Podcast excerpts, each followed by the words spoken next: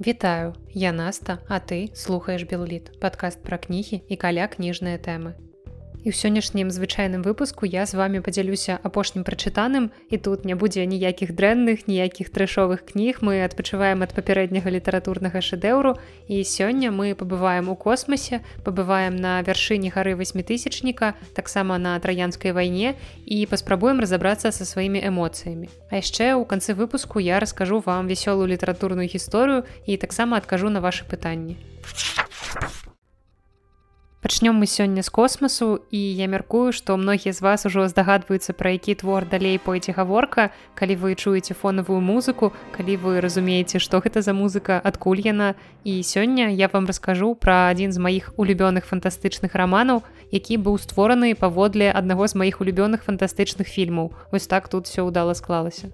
І гэта быў крывавы бой не на жыццё, а на смерць, што лепш, кніга ці фільм тысячагоддзямі адэпты секты кніга лепш з пенай у рота і зброі ў руках спрачаліся з адэптамі секты экранізацыя лепш і ў бітве выходзілі наперад то адны то другія пакуль нарэшце не прыйшлі яны артур кларк і стэнлі кубрык.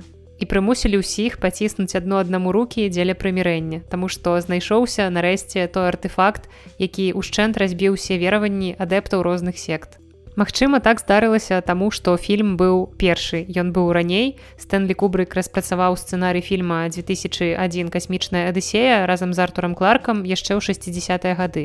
Ну а ўласна аднайменны раман з'явіўся пасля выхаду фільма ў 1968 годзе. І дарэчы, тут цікавы факт, што рэжысёр Стэнлі Кубрык вельмі доўга баяўся звязвацца з артурам кларкам, таму што ён лічыў, што той нейкі дурнаваты пустэльнік, які жыве недзе ў лясах. І кларк, калі пачуў такое стэеатыпнае апісанне, ён быў вельмі здзіўлены. Ну а я ў даследаванні гэтай гісторыі ў яе вывучэнні пайшла паводле храналогіі. Я вельмі вельмі даўно праглядзела пераглядзела разоў 10 гэты фільм бо кубрык гэта адзін з маіх улюбёных рэжысёраў. У свеце кіно ён для мяне просто ну амаль нумар адзін. І толькі летась вось я нарэшце дабралася да тэксту кларка ну скажем тэксту умоўна кларка бо кубрык забяспечваў яго ідэямі і таму калі ты чытаеш кнігу вельмі вельмі цяжка ну амаль немагчыма выкінуць з галавы гэтыя вобразы якія стварыў кубрык у кіно. Таксама вельмі цяжка выкінуць музыку штрауса. Я б увогуле раіла вам вось под гэтую музыку якую вы пачулі ў пачатку майго расповеду про гэтую кнігу. Я б вам параіла кнігу ў прынцыпе под яе і чытаць. Так што вельмі складана гэтыя два творы разглядаць у адрыве адзін ад аднаго але я ўсё ж такі зараз паспрабую сканцэнтравацца на тэксце. Артур Кларк, як і многія ў прынцыпе фантасты яго пакалення, гэта ўвогуле час росквіту фантастыкі, ён спрабаваў вывучаць магчымасці і небяспеку развіцця тэхналогій. Гэта тэма, якая многіх тады цікавіла, бо ў 60 яшчэ лунала ў паветры гэтая пагроза ядзернай вайны, таксама краіны праводзілі ядзернае выпрабаванне і ў кнізе Кларк акурат піша пра разбуральную сілу, якую мы не ў стане стрымаць, калі раптам яна выйдзе з-пад нашага кантролю. Прычым варта асцерагацца не толькі зброю зброю але і тэхналогіі таксама якія здаецца мусяць служыць на карысць чалавека на нашу карысць. І вось акурат такія тэхналогіі ў рамане прадстаўляе хэл. Гэта створаны людзьмі робат са штучным інтэлектам свядомасцю якая раўназначная чалавечай. У яго просто неверагодныя велізарныя вылічальныя магутнасці ён кіруе шатлам дыскаверы ў гэтым творы і можа на роўных таксама падтрымліваць гутарку з людзьмі. Але адбываецца так што ў далейшым хэл пачынае сябе ўспрымаць усведамляць як асобу.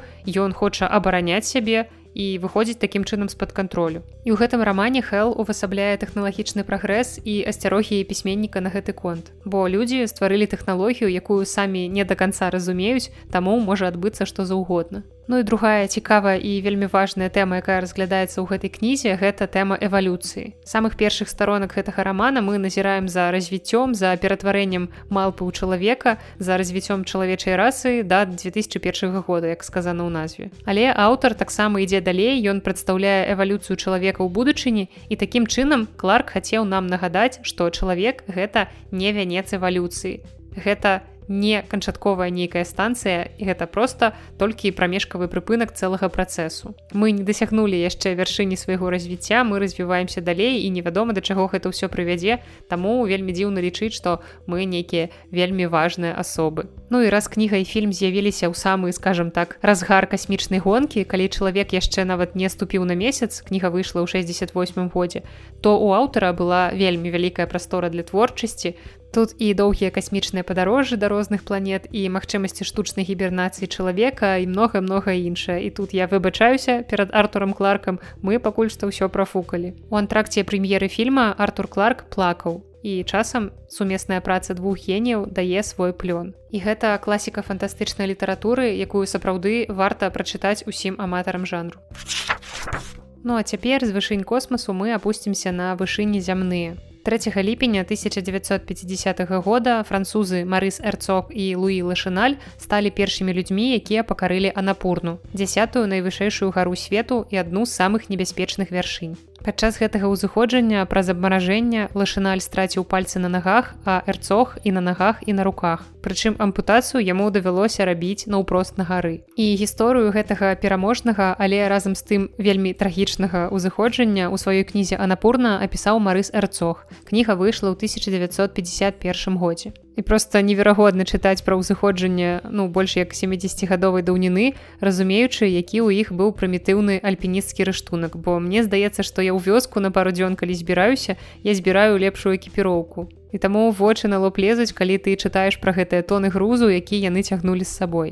І страшна што ў гэтай экспедыцыі нават не было нармальных мапаў. Яны не ведалі дзе размешчаны ўласна вяршыня горнага масіву анапурна на якую яны збіраліся ўзысці. І ўвогуле ўся іхняя задума была вельмі рызыкоўная таму дзіўна што гэтай экспедыцыі ўсё ж таки удалася і разведка і ўзыходжання і гэта ўсё ў іх атрымалася зрабіць за адзін раз І дарэчы, некаторыя людзі не вераць, што французы пакарылі ўсё ж такі вяршыню, бо на іх думку няма такіх дакладных доказаў. І тады ўжо была фатаграфія, была каляровая фатаграфія і фатаграфіі з вяршыні ёсць, але людзі сцвярджаюць, што ну гэта не той каб монтаж, але што французы да вяршыні не дайшлі і што там не вяршыня, што па гэтым фото нібыта гэта можна даказаць, але я не эксперт, мне хочацца французам верыць, бо гэтая гісторыя іхня іхняга ўзыходжання яна сапраўды трагічна прыгожая і гэта так такая важная веха ў гісторыі альпінізму. Але сумна, што ў наш час гэтыя ўзыходжанні ўжо згубілі ўсю рамантыку, таму што цяпер нават на васьмітысячнікі ўзыходжання гэта ўсё пушчана на поток.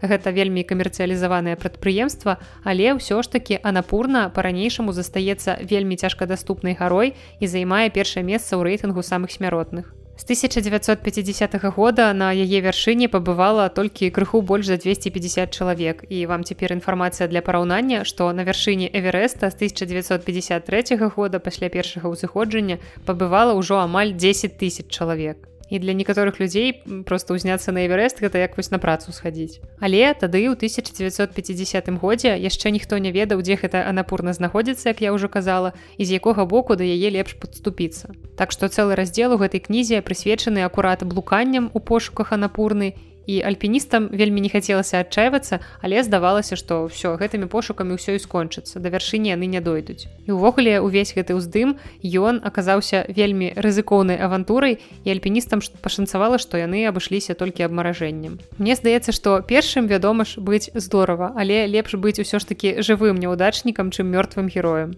бо ў прынцыпе ўзыходжання гэта даволі такі сумнеўны гераізм. Пры ўсёй маёй любові да альпінізму да гэтай тэмы я лічу што лепш не ўзысці калі ты адчуваеш што ёсць пэўная небяспека. Лепш не ўзысці а застацца жывым Бо ў такіх сітуацыях людзі вельмі часта не думаюць галавой, бо нічога акрамя амбіцый не перашкаджала французскай экспедыцыі скончыць усё без узыходжання і паспрабаваць у наступным годзе зноў ужо валодаючы гэтым пэўным запасам ведаў. Яны намалявалі пэўныя карты, яны ўжо ведалі дзе як што размешчана і у прынцыпе ну як бы можна было гэта зрабіць і пазней. Лепш падрыхтавацца за год усё пралічыць і без рызыкі для жыцця на гароў зайсці ў наступным годзе. Але сутнасць у тым што ў тыя гады альпінізм крыху нагадваў касмічную гонку тут прывітанне папярэдняй кнізе таму трэба было рабіць гэта як мага хутчэй яны проста не мелі часу бо калі не яны ўзышлі то нехта іншы зрабіў гэта замест іх На жаль гэтая кніга пры ўсёй яе цікавасці яна напісаная не вельмі займальна але ўсё ж такі я спісваю гэта на тое што эрцог ён не пісьменнік ён альпініст Хаця з іншага боку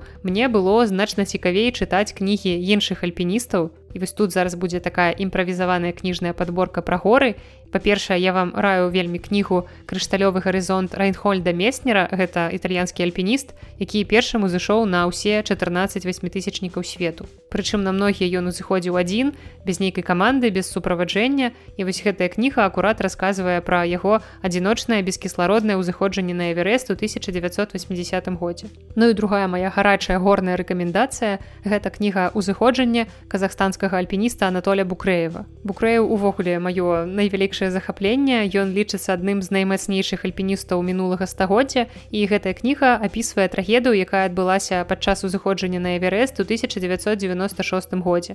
Дарэчы, нядаўна ну як нядаўна гадоў можа быць 5-7 таму выходзіў фільм аднайменны эверест ён акурат расказвае пра гэтую трагедыю. І тады букрэю выратаваў некалькі чалавек але адбылося так што ў наступным годзе калі ён узыходзіў на анапурну ён сам загінуў. І вось цікава што гэта адбылося акуратна анапурне пра якую мы сёння і гаворым. Дык вось гэтыя дзве кнігі якія я агучыла яны чытаюцца як захапляльны мастацкі раман у адрозненне ад кнігі эрцоха. Мне здаецца што проста букрэеву меснеру пашанцавала з больш якаснымі літаратурнымі памагатамі а ў 51 годзе эрцогу ніхто так добра не дапамог гэтую кнігу напісаць. І да таго ж што мяне дзіка раздражняла ў гэтай кнізе гэта аўтарскае самалюбаванне. Мне часам здавалася, што ён праўда сур'ёзна недаацэньвае ўклад астатніх удзельнікаў каманды, бо ўся кніга напоўненая такімі выразамі, як я вырашыў, я спланаваў, я рызыкнуў. Але ж мне здаецца, што гара мусіць вучыць даверу, таму што ўзыходжанне гэта амаль заўсёды камандная праца. І тут ёсць месца толькі для здаровых амбіцый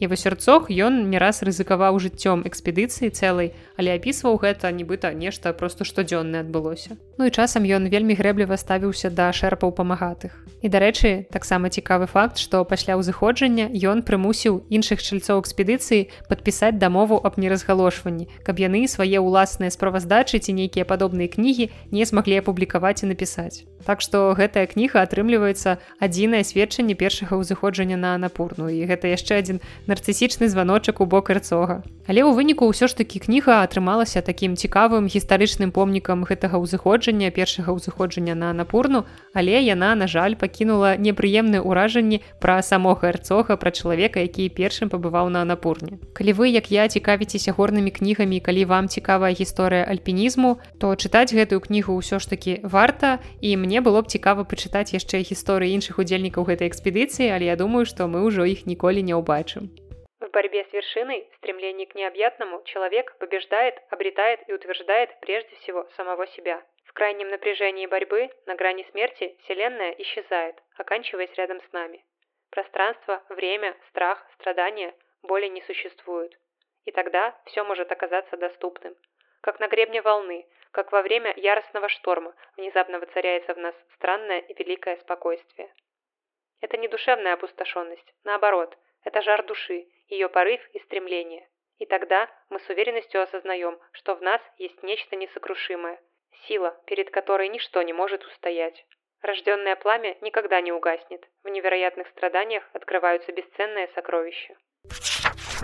Мне здаецца, што многія з нас яшчэ са школы разумеюць, што на ўспрыманне вучнямі або далей студэнтамі таго ці іншага прадмета вельмі моцна ўплывае выкладчык. Просто немагчыма пераацаніць унёсак выкладчыка настаўніка ў гэтую справу. Напрыклад, ад нашай выкладчыцы антычнай літаратуры ва ўніверсітэце плакалі ўсе акрамя самой выкладчыцы. Мы пакутавалі, мы чыталі гэтыя старажытныя тэксты, але абсалютна ніякага задавальнення ад гэтага мы не атрымлівалі. Неяк са скандаламі мы здалі экзамен, забылі пра яго як страшны сон і перадавалі легенду пра злосную выкладчыцу далей наступнаму пакаленню студэнтаў. І вось такім чынам антычная літаратура вельмі імкліва ўвравалася ў маё жыццё на першым курсе філфака і гэтак жа імкліва з яго знікла пасля першай жа сесіі. Я чытала амаль усе творы па праграме, мне здаецца, што ўсё, што магчыма было я прачытала, чытала дадатковую літаратуру, нейкія падручнікі, Таму што антычная літаратура гэта аснова адукацыі любога літаратуразнаўцы.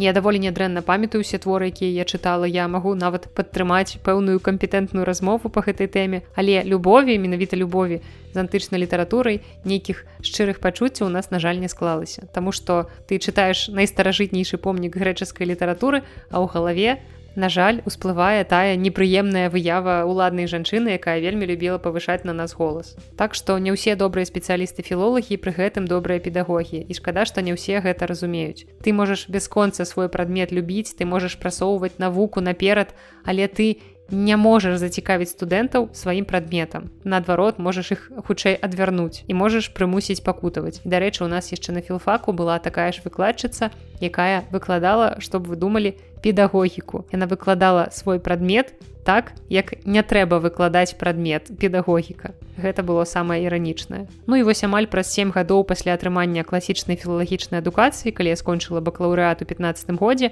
я вырашыла што вось зараз нам трэба перакрэсліць гэтыя таксічныя ўспаміны неяк абстрагавацца ад гэтага скажем чалавечага фактару і зірнуць на антычную літаратуру па-новаму. Таму зараз у 2025 першым мінулым годзе я вырашыла перачытваць пачаць антычную літаратуру. І зразумела што пачала я з асноў з гамераўскай іліяды і аказалася што зусім страшна яна не ўяўляецца як мне падавалася тады калі я яе чытала. Гэта не вельмі складаная гэта вельмі медытатыўная паэма. Ты ўліваешся ў гэты рытм класічнага рускага перакладу гнедзіча і ўжо не можаш спыніцца яе чытаць. Галоўнае да чаго варта падрыхтавацца і прывыкнуць калі вы не вельмі шараце ў грэчаскай міфалогіі то гэта бясконцая колькасць найменняў адных і тых жа герояў. Трэба памятаць што грэкі вельмі бязмежна любілі эпітэты і амаль кожны герой гэтага твора акрамя асноўнага імя мае яшчэ мноства дадатковых. Напрыклад дзеўса яны называлі і эгіёх і краніт і кранен або афрадыту яны называлі і кіпрыдай і анадыяменай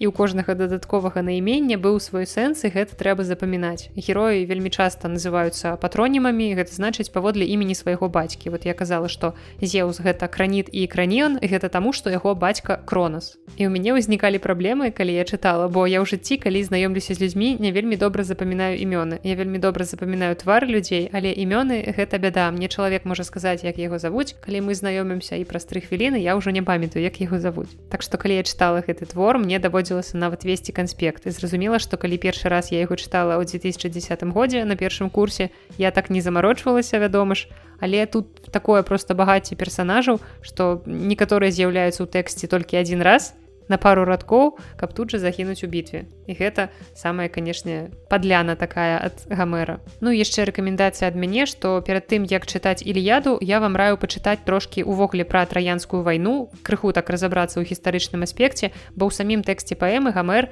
не раскажа нам пра перадумовы праход вайны мы адразу опускаемся ў дзеянне. Як быццам мы захадзя ўжо павінны ведаць гэту ўсю гістарычную інфармацыю. І вось дарэчы гісторыя гэтага перыяду мне падабалася чамусьці полюбілася больш чым літаратура гэтага перыяду. Відаць таму што ў мяне не было праблем з настаўнікамі гісторыі выкладчыкамі гісторыі на першым этапе знаёмства а вось літаратурай на жаль так добра не склалася адразу Але я абсалютна нармальна адэкватна разумею, што цяпер толькі ў маіх сілах усё змяніць. Ну і нарэшце самае самае важнае я прачытала цалкам гэты легендарны спіс караблёў. Гэта другая песня Ільяды бо першы раз падчас першага чытання зразумела што я як і многія іншыя студэнты гэтую частку добра сумленна прагартала бо ну камон чытаць рэальна некалькі старонак просто спіс караблёў якія пералічваюцца гэта несур'ёзна. Але цяпер зразумела я подумала што нам фанатычным аматарам рознага кшталту спісаў трэба трымацца разам. І калі адказваць на пытанне ці трэба чытаць іліяду усім то у мяне ёсць такі адказ што калі вы чытаеце кнігі для адпачынку для задавальнення то можа яно вам і не трэба. Але калі літаратура гэта ваша спецыяльнасць, то без ведання антычнай літаратуры вы мне здаецца як хірург на аперацыі без ведання анатоміі. Так што калі вы займаецеся літаратурай на нейкім больш высокім прафесіянальным узроўні, то ўсё ж таки антычная літаратура гэта база, якая ў вас мусіць быць. Але гэта выключна маё меркаванне. Можа быць, нехта можа абыходзіцца без яе, але я не ведаю цяжкавата. Так што хутка я пачну перачытванне адысеі і вярнуся тады да вас ужо з гісторыяй пра наступны гамераўскі эпас. Ну і цяпер зусім караценька пра апошнюю кнігу сённяшнім выпуску гэта дзіцячая навінка, якая ў сакавіку выйшла ў выдавестве кнігазбор. І тут у пісьменніцы надзея ясмінскай і мастачкі Святланы Михалап атрымаўся цудоўны творчы тандем, бо я была ў захапленні ад іх мінулай сумеснай кнігі, гэта сподачак для цмока, пра які я вам расказвала падрабязна ў 27 выпуску. І гэтая кніга для мяне стала ўвогуле адной з найлепшых беларускіх кніг дзіцячых апошніх гадоў. Ну і таму цяпер я з вялікай надзеяй чытала кнігу новую кнігу гэтага творчага дуэта якая называется кузькусяндра і гэтая кузькусяндра мяне зусім не расчаравала. Мне просто падабаецца вымаўляць гэту назву кузькусяндра я магу сказаць што гэта вельмі своечасовая дзіцячая кніга якую я правіла не толькі дзецям але таксама іх бацькам ну ці просто дарослым якія не маюць дзяцей і асабліва раіла б яе цяпер калі многія людзі не ведаюць што рабіць са злосцю якая расце ўнутры. Ці трэба выпусціць вонкі або трэба наадварот захоўваць у сабе не заўважаць яе і мне здаецца што злосць гэта нармальная і абсалютна натуральная эмоцыя калі ты разумееш прычыну гэтай злосці. І злосць гэта абарончая рэакцыя арганізма і не трэба баяцца злосці не трэба яе неяк пазбягаць не трэба яе хаваць. І самае важнае што трэба умець выражаць яе так каб абысці сябе з разбурэннем. Ну ці можете просто ўзяць біту і пайсці на Э, дзе-небудзь разбіваць тэлевізары. Ёсць дарэчы у нас такі атракцыён калі я не памыляюся я чула што у менску адкрыўся такі пакой куды вы можете прыйсці і просто збітай разбіваць нейкія старыя тэхнічныя прыборы тэлевізары нешта такое. Таму вось класны варыянт таго як можна абысціся са сваёй злосцю кніга надзея ясмінскай кусь кусяндра гэта гісторыя кусяндры якая жыве ўнутры кожнага з нас. І вельмі важна нам навучыцца жыць у гармоніі з ёй.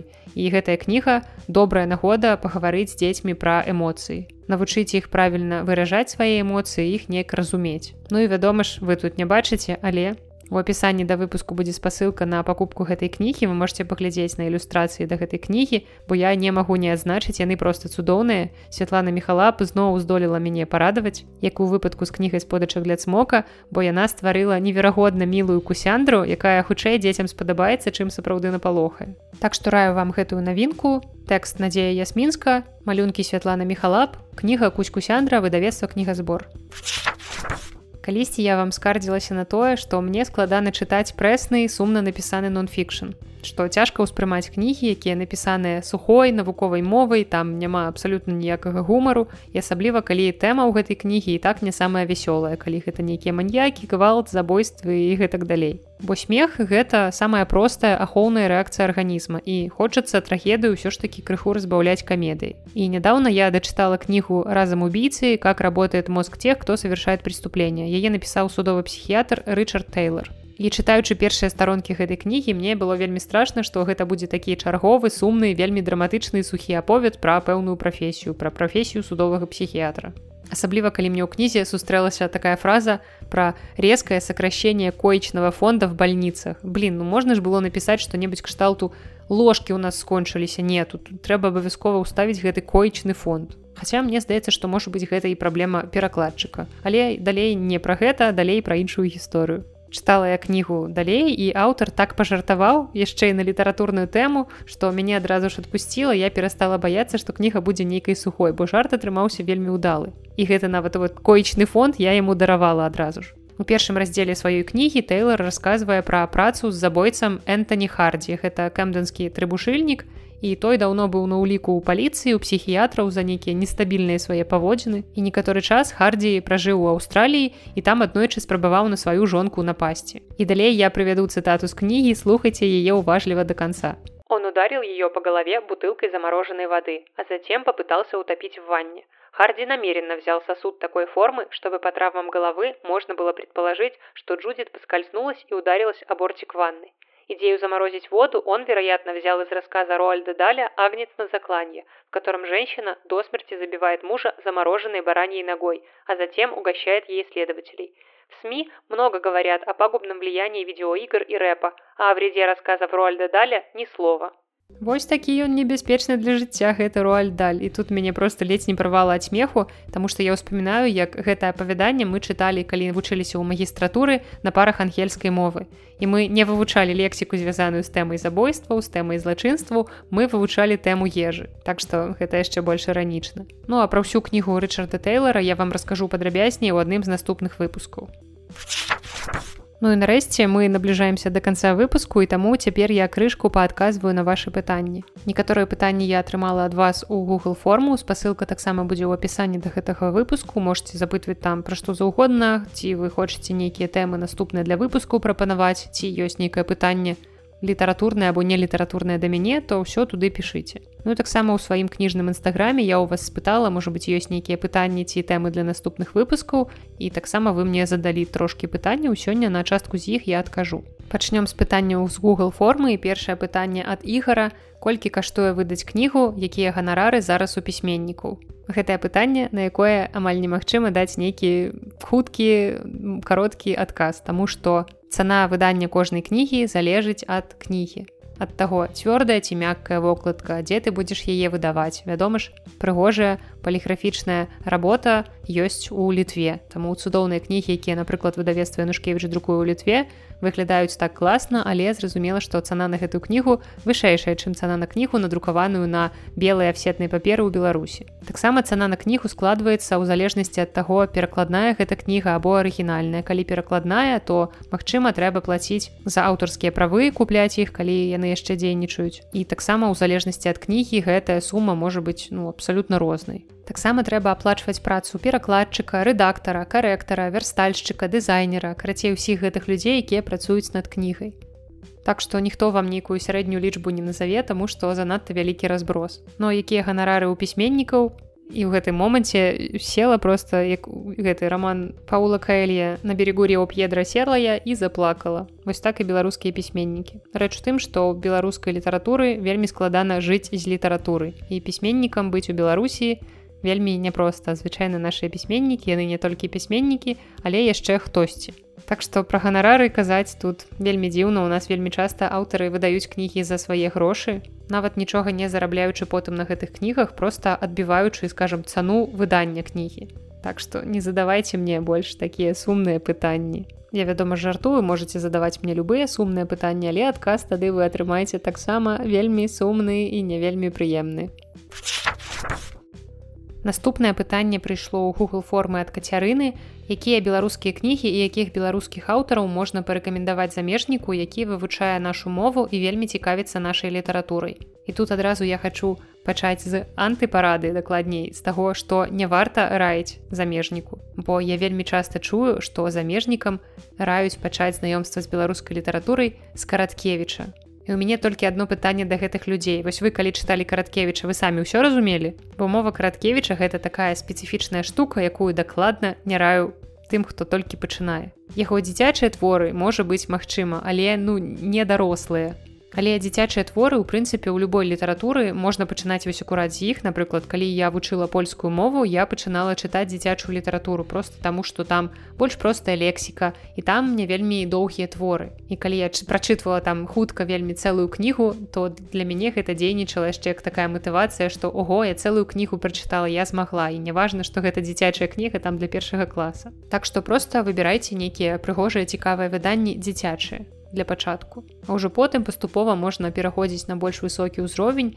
і мне неяк складана сказаць, якія вось канкрэтна беларускія аўтары падыходзяць для вывучэння беларускай мовы. Пачынайце хаця б з чагосьці з дзіцячых кніг або з тых кніг, якія па-беларуску ёсць у перакладзе, якія вы добра ведаеце на іншай мове. Напрыклад, у нас цяпер ёсць гары Потер. Гары Потер гэта тая кніга, якую вы чыталі, магчыма, многія на розных мовах. Ну і многія ведаюць увогуле прынамсі першую кнігу, як я на памяць літаральна і таму мож, могуць яе чытаць нармальна на іншых мовах это будзе даволі лёгка, тому што вы памятаеце кантэкст і вам не трэба будзе зазіраць у слоўнік па кожнае слово. Так што можа быць знайдзіце нейкую перакладную кнігу, якую вы вельмі любіце, якую вы чыталі там на нейкай сваёй мове, знайдзіце яе пераклад на беларускую мову. Я думаю, што знойдзецца хаця б адна нейкая кніга і можете таксама вось пачынаць яе калі гэта вядома ж не ўліс джойса або мобідзік наступнае пытанне яно ўскосна звязанае з першым. Гэта пытанне ад рэгора п Добры дзень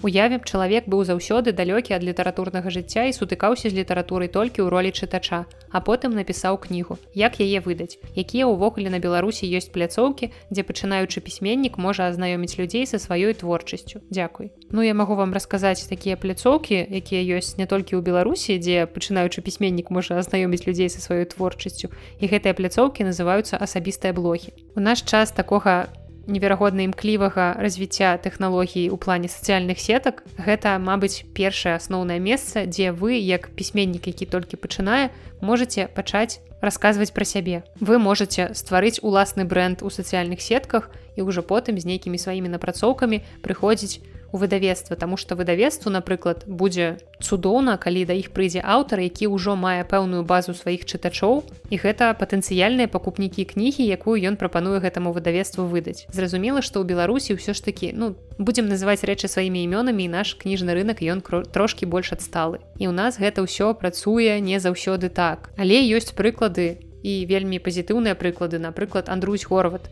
які стварыў свой уласны бренд у фейсбуку. Ён пісаў гэтыя невялікія зацемкі пра сваё жыццё ў вёсцы пра казу пра космас пра сваіх аднавяскоўцаў. І гэта тое што зайшло людзям ён знайшоў сваіх чытачоў і таму потым не было абсалютна ніякай праблемы з тым каб распрадаць тысячныя наклады гэтай кнігі. Але не ўсім падыходзіць такі варыянт не ўсе аўтары хочуць быць нейкімі медыйнымі займацца гэтымі сацыяльнымі сеткамі і тады для іх ёсць варыянт ісці ў нейкія літаратурныя часопісы спрабаваць там надрукавацца але ў іх там такі наплыў наплыў аўтараў што вельмі вельмі цяжка гэта ўсё разграбаць. Вы можете звяртацца на ўпросту выдавецтва у нас не так шмат нейкіх выдавецтваў незалежных. Або можете пісаць у дзяржаўныя канешне як вам хочацца. Дасылаць свае рукапісы расказваць пра сябе. Калі твор сапраўды варты то я упэўненая што яго заўважыць толькі трэба разумець трэба ну неяк аб'ектыўна сябе ацэньваць калі вам у выдавецтве напрыклад скажуць што гэты твор сыры мы не можам даць яго пакуль рэдактару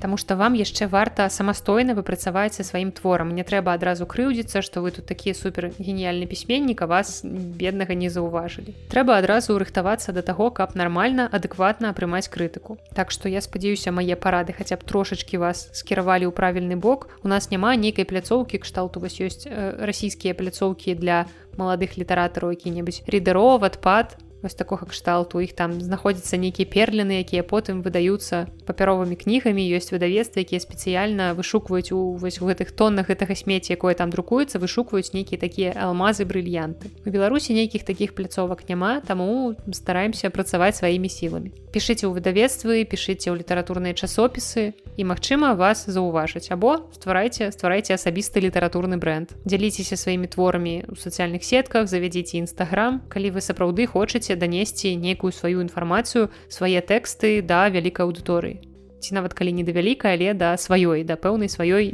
няхай маленькай але той якая будзе вас прымаць. Я тут не эксперт таму магу просто даць свае такія дылетанцкія парады з боку чалавека які знутры назірае за гэтым працэсам наступнае пытанне не зусім пытання ад макса в.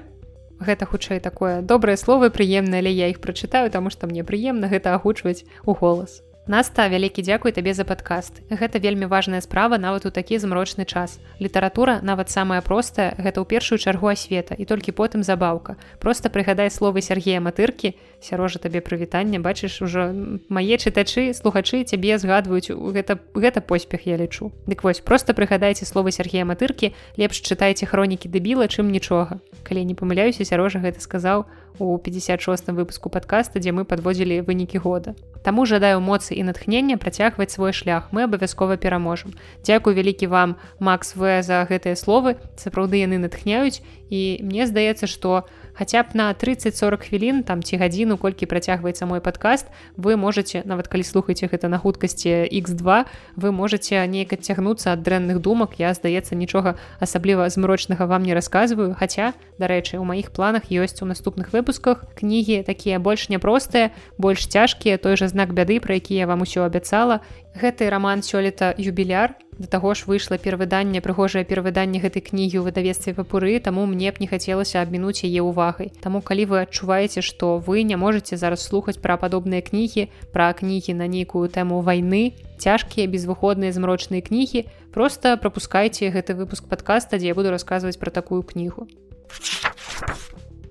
Наступнае таксама не зусім пытанне хутчэй адказ на пытанне якое я задавала гэта паведамленне ад юрыя добрый дзень фармат з аглядам дрэнных кніг вельмі цікавы. Буду рады калі вы будете рабіць такія выпускі. Дякуй Ну як я ўжо і казала я планую далей рабіць такія выпускі але я вельмі спадзяюся што падобныя кнігі для такіх аглядаў трэшовыя кнігі мне ў беларускай літаратуры будуць трапляцца не вельмі часта. Таму я не буду вас вельмі часта радаваць падобнымі выпускамі хаця ведаю што многія любяць вось акурат такі фармат. Так што калі кніга трапіцца такая дрэнная то нічога не паробіш буду пра яе расказваць. Але спецыяльна рэальна вышукваць я не, ну, не вельмі хочацца зараз гэтым займацца. І апошняе пытанне ад Артымчук Ані. Большое спасибо за подкаст. Меня давно мучает вопрос. Белорусская литература – это любые книги, написанные на белорусском языке, или к ней можно отнести русскоязычные книги от белорусских авторов, как, например, Алексеевич? Ой я ўсё прачытала па-руску але алексеевич у мяне атрымалася по-беларуску выпадкова. Адкажу на гэтае пытанне так як нас навучылі ва універсітэце мы живвём у краіне дзе ёсць дзве дзяржаўныя мовы. І для многіх людзей і у тым ліку пісьменнікаў якія жывуць у беларусі абедзве гэтыя мовы родныя. І таму нехта з творцаў беларусі стварае празаічныя або паэтычныя творы по-беларуску а нехта гэта робіць па-руску. І таму ёсць рускамоўная літаратура беларусі а ёсць беларускамоўная літаратура беларусі. Што з гэтага больш беларускай літаратуры ў плане беларусі як краіны двухмоўнай краіны а не краіны якая існуе толькі з беларускай мовы на жаль у нас няма такога шчасця. Але Святлана алексеевич гэта таксама беларуская літаратура. Гэта рускамоўная беларуская літаратура. Многія могуць гэтым спрачацца. Гэта ўсё такая слоўная эквілібрыстыка. І зразумела што мне б хацелася б калі б беларускай літаратурай лічылася толькі тое што напісана по-беларуску але гэта утапічны нейкі ідэальны свет і не будзем неяк зневажаць і прыніжаць творцаў якія жывуць у беларусі лічаць сваёй роднай мовай рускую мову якую яны вывучылі з дзяцінства і пішуць на ёй творы. Пры гэтым застаючыся ў беларускім кантэксце. Яны пішуць пра Беларусь але робяць гэта па-руску. І гэта таксама беларуская літаратура. Вось такая моя пазіцыя на гэты конт Ну і думаю, што самы час уже заканчваць гэты выпуск. І зараз у мяне асноўная праблема ў тым, што ідэй і нейкіх тэкстаў сцэнарыяў напрацовак для наступных выпускаў у мяне вельмі шмат на некалькі выпускаў наперад і самае галоўнае цяпер знаходзіць час каб гэтыя выпускі рабіць. Вось сённяшні выпуск я трошки затрымала выпускаю яго не як звычайна ў панядзелак а трошки пазней. Яшчэ не ведаю які дзень тыдня гэта адбудзецца. Але спадзяюся што далей усё будзе ісці паводле плану. Так што чакайце наступныя вясёлыя часам не вельмі вясёлыя бо не заўсёды ж весяліцца трэба часам і пасумаваць. А на сёння гэта ўсё. Дзякуй за ўвагу. З вами была наста і падкаст белліт да сустрэчы